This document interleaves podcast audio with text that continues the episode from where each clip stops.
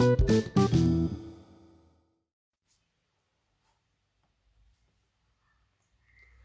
velkommen til en ny episode av Historien opp gjennom tidene med meg, Mathias. I dag så skal vi snakke om andre verdenskrig. Og som dere vet, så er ikke jeg den beste til å fortelle om historie, så derfor har jeg med meg Kiran og Marie, som har jobba med andre verdenskrig. Ja, hei, hei. Tusen takk for at jeg fikk komme i dag. Ja, det er veldig hyggelig. I dag så tenkte jeg at jeg kunne spørre dere om noen spørsmål om andre verdenskrig som folk lurer på. Jeg har fått mange spørsmål, eh, så jeg har satt dem sammen til tre store spørsmål. Ja, Skal vi bare starte? Ja, det kan vi. Første spørsmål er hva betyr ordet antisemittisme og holocaust? Ordet antisemittisme det er en fellesbetegnelse for negative handlinger som er spesielt retta mot jøder pga. at de er jøder. Ja, men kan du gi noen eksempler på hvordan eh, antisemittismen har kommet til uttrykk gjennom historien? Det kan jeg svare på. Så noen uttrykk kan være at det kommer opp påstander om at jødene alltid tenker og handler som jøder, og ikke som enkeltpersoner. Så nå så er det ikke masse mord på jøder, men det blir fortsatt, de blir fortsatt, fortsatt hata på, sånn via media. Og jødene Nei, ordet jøde blir brukt som skjellsord nå, da. Ja, det med massemord på jøder, det heter ikke holocaust. Jo, det har du helt rett i.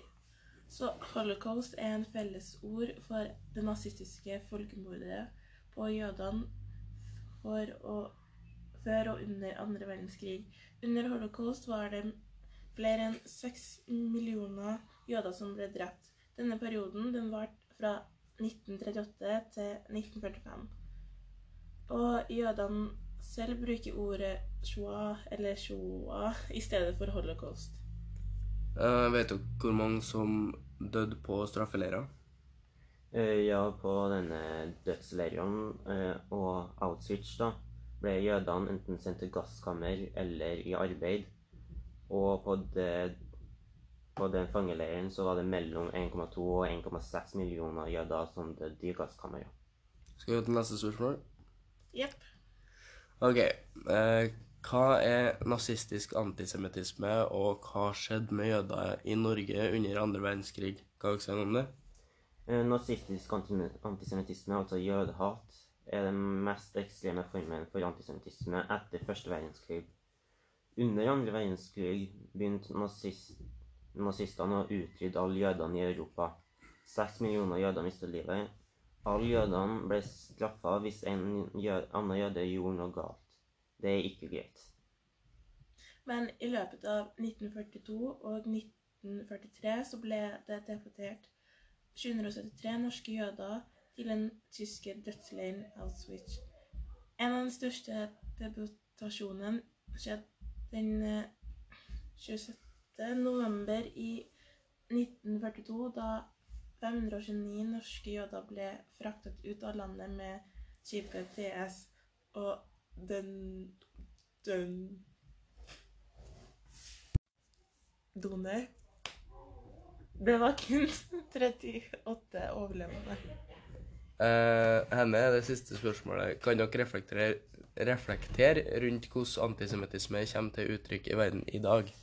Mm, ja, i dag så er det en måte Nei, på en måte samme som det var før. I dag er det fortsatt negativitet mot jødene i dag, men bare mye mindre på en mye mindre skala. Eksempel ordet jøde brukes mer som et skjellsord, bl.a. av skoleelever, da.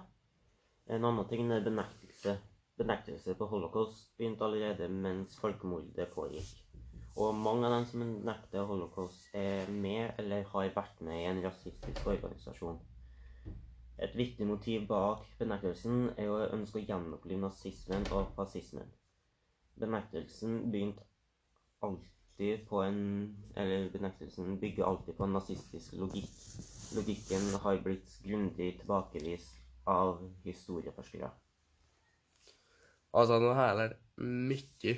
Um, hvordan har det vært å jobbe med den? Jo, antisemittisme er et ganske interessant tema, så det har vært ganske artig å jobbe med det.